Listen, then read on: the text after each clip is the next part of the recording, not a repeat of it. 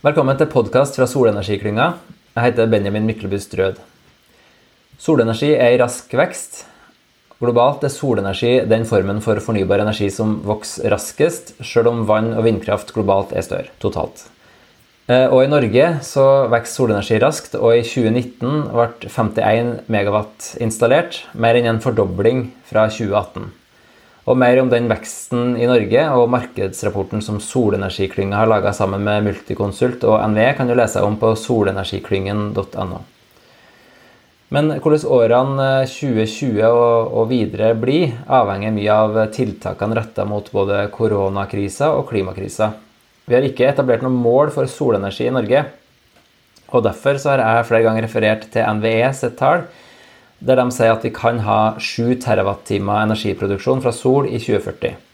Det høres realistisk ut, men samtidig er det noe å strekke seg etter.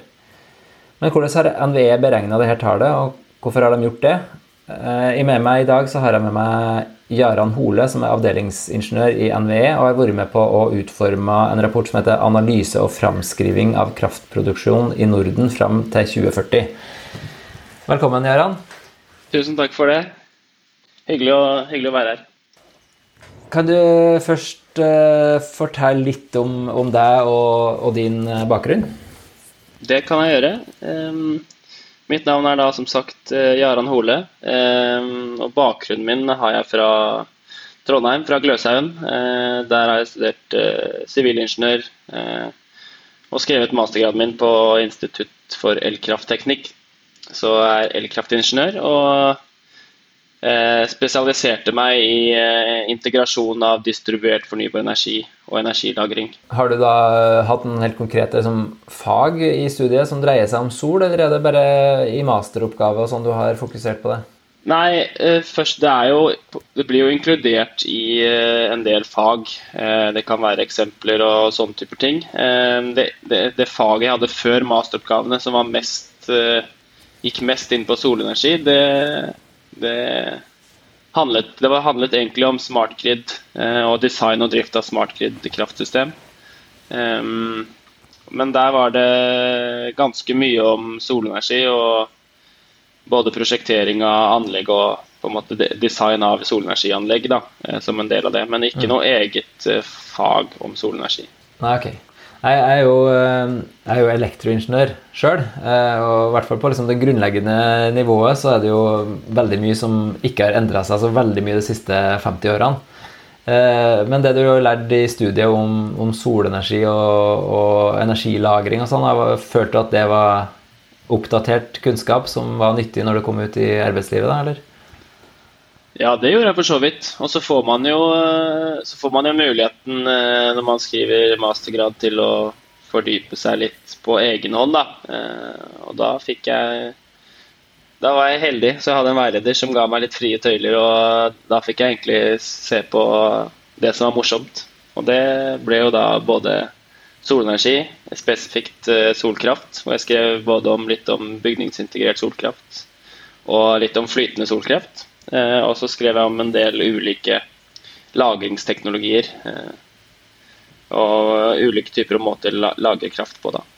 Og, og, da var du eh, riktig mann på riktig plass i NVE når de skulle lage en, denne rapporten 'Analyse og framskriving av kraftproduksjon i Norden fram til 2040', og fortell, skriv om solenergi der.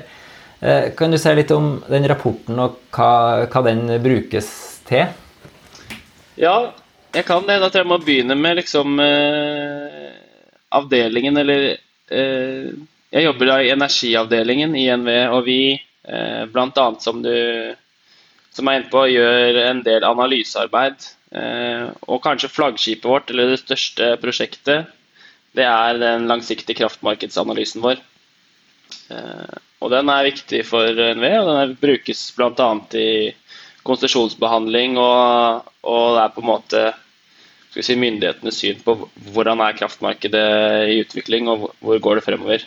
Eh, og inn eh, som en viktig delanalyser eh, til det sluttproduktet, så er vi nødt til å prøve å si noe om hvordan vi tror kraftproduksjonen utvikler seg, og hvordan kraftforbruk utvikler seg. Og også hvordan nettet utvikler seg fremover. Og da ser vi egentlig på hele Europa, og så har vi enda større fokus på Norden og da selvfølgelig Norge. Så det er egentlig Vi jobber med å si noe om kraftproduksjonen fremover i tid. Og i fjor, da, til den lang analyse 2019, så lagde vi en egen rapport på det arbeidet som ble gjort eh, når vi framskrev kraftproduksjonen. Og det, det, er den rapporten du har nevnt. da. Og, og der eh, har vi jo også prøvd å forutsi, eller prøvd å gi vårt beste gjett på hvordan solenergi eh, utvikler seg, og, og hvilken rolle det spiller i kraftsystemet. Og så er det jo litt interessant, vi pleier liksom å si sånn at det, det eneste vi vet når vi lager disse analysene, er at vi bommer. Ja, så er vi jo nødt til å gjøre så godt og hardt arbeid som mulig for å prøve å treffe best mulig på trendene, eh, og at vi får oppfatter hvilken utvikling eh, som skjer, og hvilken vei det går. Eh, og altså gjøre selvfølgelig avviket minst mulig, da.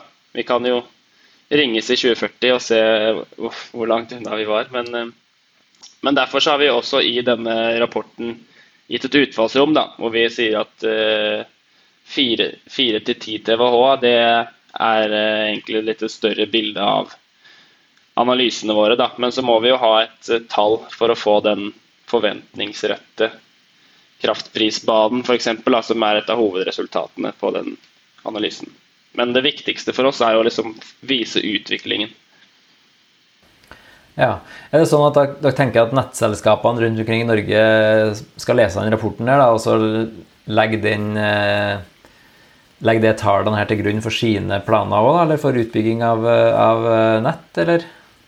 Nei, det, er, altså, det, er, jo et uh, godt spørsmål. Vi prøver jo ikke å forskutt, eller vi prøver jo ikke å Vi har jo egentlig bestemmer ikke hvordan ting skal bli. Uh, så det er en litt sånn rolle som vi må eh, På kort sikt så legger vi jo til grunn kjente planer, og de får vi jo typisk fra utenfra. Enten fra KSU-ene til nettselskapet eller konsesjonssøknader. Det er liksom frem de nærmeste årene. Så legger vi til grunn det vi kjenner, og så eh, legger vi på en måte til grunn en utvikling som vi kan tro på. Eh, mm. Men det fins jo et mylder av sånne kraftmarkedsanalyser. Og det som eh, no, Noen lager jo sine egne eh, fordi de eh, tar investeringsbeslutninger. Mens det finnes jo andre F.eks. Statnett lager jo en, og så lager vi en årlig. Så, så, jeg tror de fleste selskapene som har tunge interesser i kraftbransjen, leser kanskje flere enn én også. Mm, ja. Men jeg vil jo Men, ja. men nå er det jo det tallet som liksom står igjen, eh, er jo da midt imellom 4 og 7, nei 4 og 10. Det er 7 TWh eh, solenergi i 2040. Eh, og da forstår jeg det som at det, det ligger en, en, modellering bak det som gjør at dere kommer fram til, til 7 TWh, eller spennet mellom 4 og 10. da. Hva, hva, slags input er det dere har i den modellen som gjør at dere kommer fram til 7 TWh? Ja, Nei, Det er jo helt riktig at det er jo modellanalyser, og vi er nødt til å Det er mange kompliserte regnestykker eh, som, eh, som eh, skal gjøres. så Vi kunne jo for så vidt satt opp de for hånd, men eh, det er nok ganske mye mer effektivt å, å, bruke modellverktøy når vi ser på så komplekse sammenhenger og så langt frem i tid. Og Som du sier, så er det jo mye input-parametere eh, som må gjøres. Og outputen er jo i veldig stor grad farget av hva vi putter inn av data. Eh, men det er en eh, Det vi bruker for å fremskrive solkraft i Norge, det er eh, en modell som heter Times, eh, som er egentlig en energisystemmodell og en teknisk-økonomisk optimeringsmodell. Um, så det den modellen gjør, da, for å ta det bare veldig enkelt, det er at den eh, vet vi, hvordan forbruket, eller altså energibehovet, utvikler seg. Det er noe vi prøver å si noe om gjennom andre modeller igjen. Eh, og så finner den, når den har det energibehovet, og den har en, en base med kraftproduksjonsteknologi f.eks., så finner den ut ok, hvis vi går herfra og fremover i tid, hvordan kan vi best mulig dekke det energibehovet? Og da kommer man eh, frem til at eh, f.eks. hvis du har eh, et varmebehov, så kan du enten dekke det med panelovn, eh, du kan dekke det med varmepumpe, eller du kan dekke det med bio, f.eks. ved, eller også andre typer teknologier. Og så setter egentlig den sammen et teknisk-økonomisk ideelt energisystem, da, hvor den, hvor den på en måte velger det riktigste. Og så sier vi at vi, vi tror at man på en måte vil velge fornuftige valg, men vi vet jo også at verden ikke er 100% rasjonell, så vi, vi, må, vi må en legge inn en del beskrankninger og gjøre en del vurderinger for å på en måte tøyle modellen. Og, og så jobber vi sammen med den modellen og fagmiljøene på, i energiavdelingen for å komme frem til et resultat som vi kan tro på. Um, og da spør du hva som er inputen. For å få solkrafttallene, så er jo det for det første drevet av eh, energibehovet og egentlig behovet for strøm, som, eh, som, på en måte driver eh, investeringene modellen gjør. Men så er det jo eh, om den skal velge mer solkraft, eller om den skal velge å bygge masse vedovner eller andre typer ting, det jo, kommer jo egentlig an på kostnadene. Eh, fordi den, eh, den, er en sånn teknisk-økonomisk optimeringsmodell. Så da det som er viktig da, er jo investeringskostnadene for solkraft. Eh, drift- og vedlikeholdskostnadene. Eh, og levetiden på anleggene eh, kommer jo inn. Eh, degraderingsraten, altså hvor, hvordan solkraftpanel degraderes over årene. Eh, men også, kanskje like viktig, og kanskje som man ikke tenker så mye på til vanlig, er atferd. Eh, og det er noe vi har jobbet med å prøve å klare å modellere atferd. Og da bruker vi det som kalles implisitte diskonteringsrater. Hvor vi i utgangspunktet tenker at mennesker ikke er 100 rasjonelle. Og vanligvis så regner man jo med en diskonteringsrate på kanskje 4% eller 6 eller andre tall.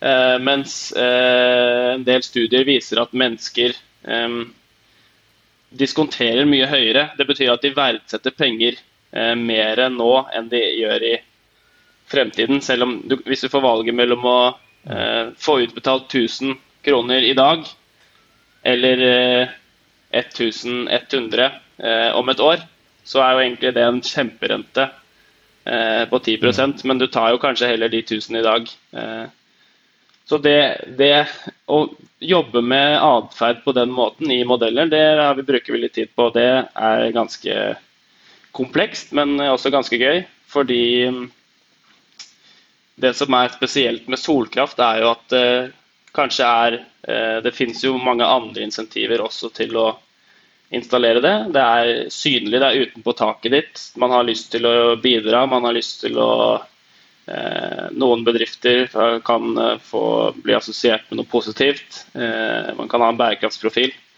Så da, Det tilsier at kanskje den diskonteringsraten kanskje egentlig til og med er lavere enn en vanlig, et vanlig nivå. da. Mm.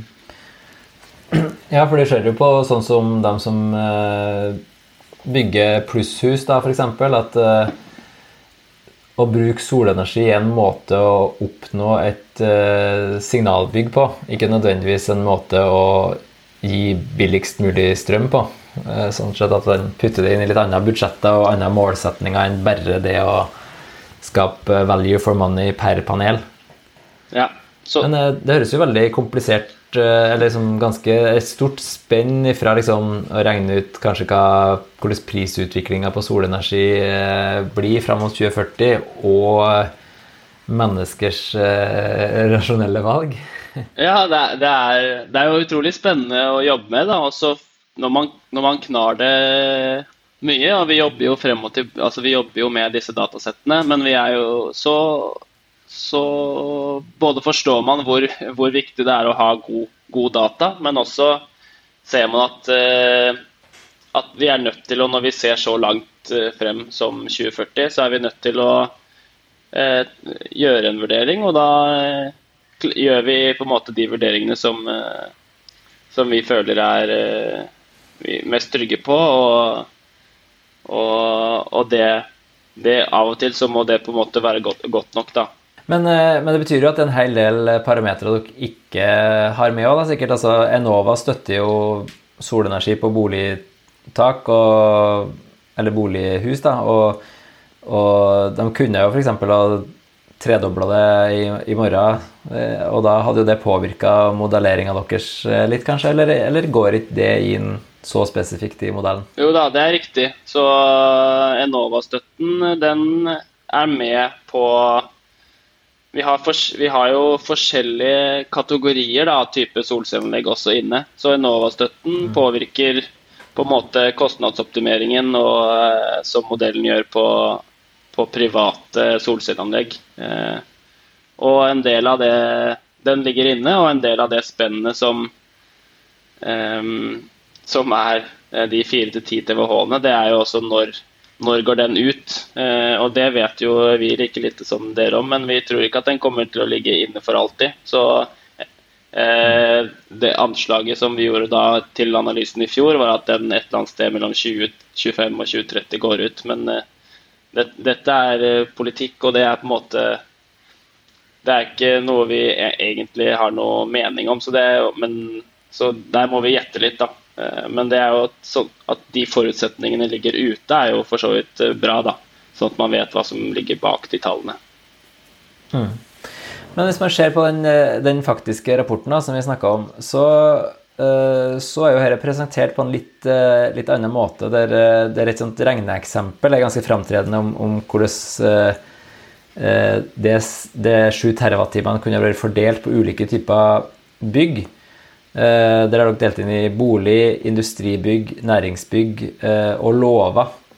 Eh, og det regner jeg med at til sammen skal bli 7 TWh. Hva slags antakelser er det som ligger bak den, det regneeksempelet?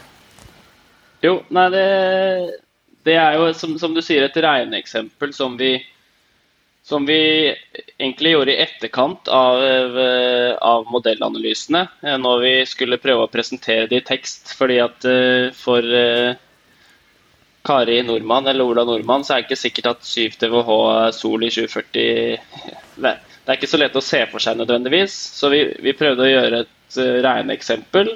Det, det kalles kanskje også et serviettregnestykke for å vise eh, hvor mange av Norges tak eh, kan, eh, vil, vil, kunne være dekket under et sånn 7 TWh-scenario. Så da, det, det, vi egentlig gjorde, da, var å ta den installerte kapasiteten som eh, var resultatet av analysene våre, og den fordeler seg da over eh, på en måte private, eller det, det vi kaller residential eh, sektor i, i, modellen, og eh, commercial sektor. Um, og så, uh, for å uh, Hvor skal jeg begynne? Er, den eh, installerte kapasiteten fordeler seg litt ujevnt. altså Størsteparten av volumet er egentlig kommet i det commercial sektor. og Det er fordi at disse anleggene ligger inne med litt lavere kostnader, fordi de ofte får skalafordeler av å kunne bygge solcelleanlegg på store, flate tak. Så størsteparten av volumet ligger da på disse takene. Eh, så da hadde vi en installert kapasitet på boliger og en installert kapasitet på den commercial sektor. Eh, og så så vi hvis et eh, typisk solcelleanlegg på et tak er 6 kW peak, da, hvor, mye, hvor mange anlegg vil det utgjøre hvis vi skal ha en total på så og så mange, si 1 gigawatt? da. Og da fikk vi antall anlegg, eh, og så har vi egentlig bare fordelt ut på antall bygg igjen, da. Eh, så, så, i det regnestykket så er det ikke noe vurdering av takflater og eh, areal og sånne typer ting. Det er mer typisk størrelse på et anlegg. Og det ligger også i den samme tabellen, da, sånn at man kan se Men, men, hvis man da skulle regne med at et solcelleanlegg på et privat hustak i gjennomsnitt er 6 kW peak, så om ikke jeg husker helt feil Nå må du hjelpe meg, Benjamin. Jeg kan jo ta en, ja. liten, jo ta en liten gjennomgang av det som står her. da, at et du har kanskje sagt delt inn på bolig, industribygg, næringsbygg og lova. Da. Så industribygg og næringsbygg er kanskje det du kaller commercial til sammen, eller? Ja, ja. Eh, de definisjonene kommer jo litt utenfra modellen, så jeg tror egentlig du kan ta med lover også eh, i den delen. Fordi, okay. fordi, at du ofte kan bygge litt større anlegg. Det er, det er, ikke, noe, det er ikke noe supertydelig grensesnitt der, men du kan godt ta med de der, da. Jeg tror jeg har brukt kapasiteten fra, fra commercial utover låvebyggene også, da. Ok, riktig. Men i hvert fall ek eksempel på gjennomsnittsstørrelse som dere har, da, er jo at på en bolig så er det 6 kW, og da har dere regna med 215 000 anlegg, og det tilsvarer 15% av dagens bygningsmasse. For industribygg så har dere skrevet 200 kW i, i gjennomsnittsstørrelse, 20 000 anlegg, og at det er 18% av dagens bygningsmasse. Næringsbygg 50 kW eh, og 27 000 anlegg, og det er 19% av dagens bygningsmasse. Og lova så det er 15 kW, 90 000 anlegg og 18 av eh, dagens bygningsmasse. Og det er jo det her tallene som jeg tenkte at det høres realistisk ut. Men som jeg sa, det er noe å strekke seg etter. da. Vi er ganske langt unna å ha 215 000 anlegg i dag på bolighus, f.eks.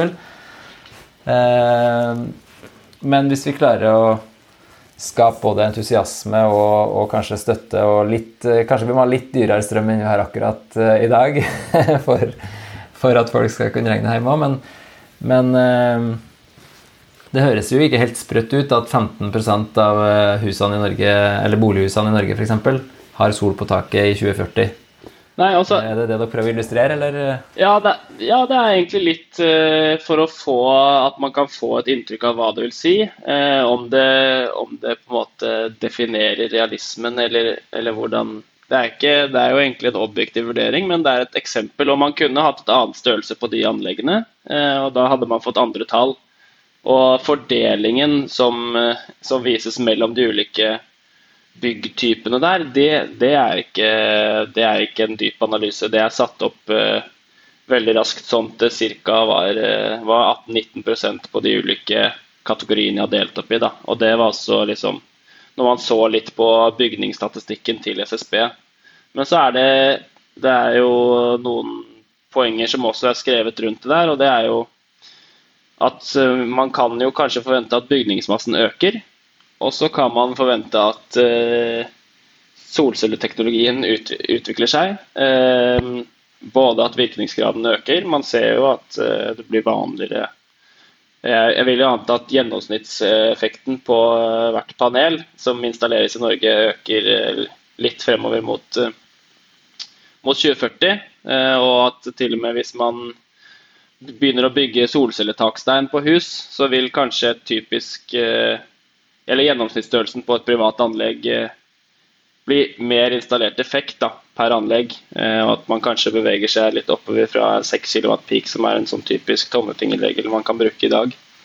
Um, og da vil jo det egentlig bli færre anlegg og en mindre prosentandel av av bygningsmassen. Uh, så det er liksom litt sånn konservativt, i prosenttallene der. da. Og, og det skriver jo for at det er, det er, noe man kan se for seg, eh, selv om vi er et stykke unna i dag. Det er vel, det er vel ikke mer enn 4000-5000 private anlegg i dag. Eh, så det er jo noe vi også beskriver i den rapporten, at solenergi det jo det vokser jo raskest, men det vokser fra et lite utgangspunkt. Så det, usikkerheten er fortsatt ganske stor, da.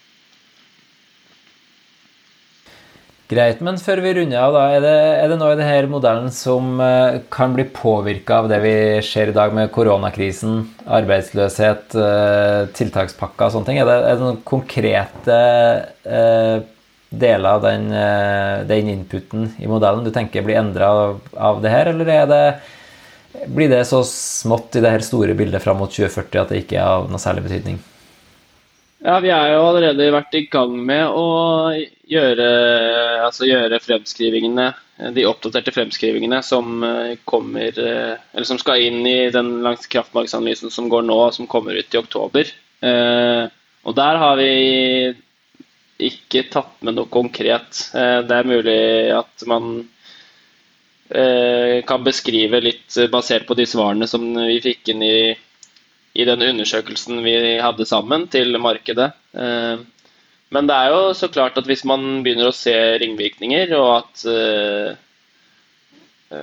og at det går hardt utover eh, markedet i Norge, så er jo parametere som endres på. Både hvis man ser at prisen hvis, hvis forholdet mellom tilbud og etterspørsel endrer seg litt, og at prisen kanskje går litt opp, eller, eller at man kan endre på atferden. Det er noe som vi må se på, da. Men foreløpig så er det det langsiktige som er viktig. Og, og på en måte bildet fra framover i tid og frem mot 2040 som er de viktigste signalene fra den analysen her. Da. Og det tror jeg er vanskelig, vanskelig å si noe uh, ut fra hvordan uh, koronapandemien har, uh, vil påvirke den langsiktige utviklingen i Norge. Ja. Ok, men vi kan forvente at det kommer en eh, oppdatering, eh, eller oppdatert sånn kraftmarkedsanalyse eh, eh, i år igjen, er det det du sier? Det stemmer. Så den kommer hvert år i oktober. Men det var litt spesielt i fjor at vi lagde en egen rapport av produksjonsfremskrivingene. Normalt sett så er det en del av, av den analysen. Ok. Mm. Ja, men da tror jeg med det takker for uh, denne forklaringa av hvordan uh, det her tallene har funnet veien ut i rapportform. og så får vi gjøre vår uh, del i solenergiklyngen for at uh, det tallene blir virkelighet. Og så får, dere, får du lene deg tilbake og se om det stemmer i 2040. ja. Takk for, takk for nå.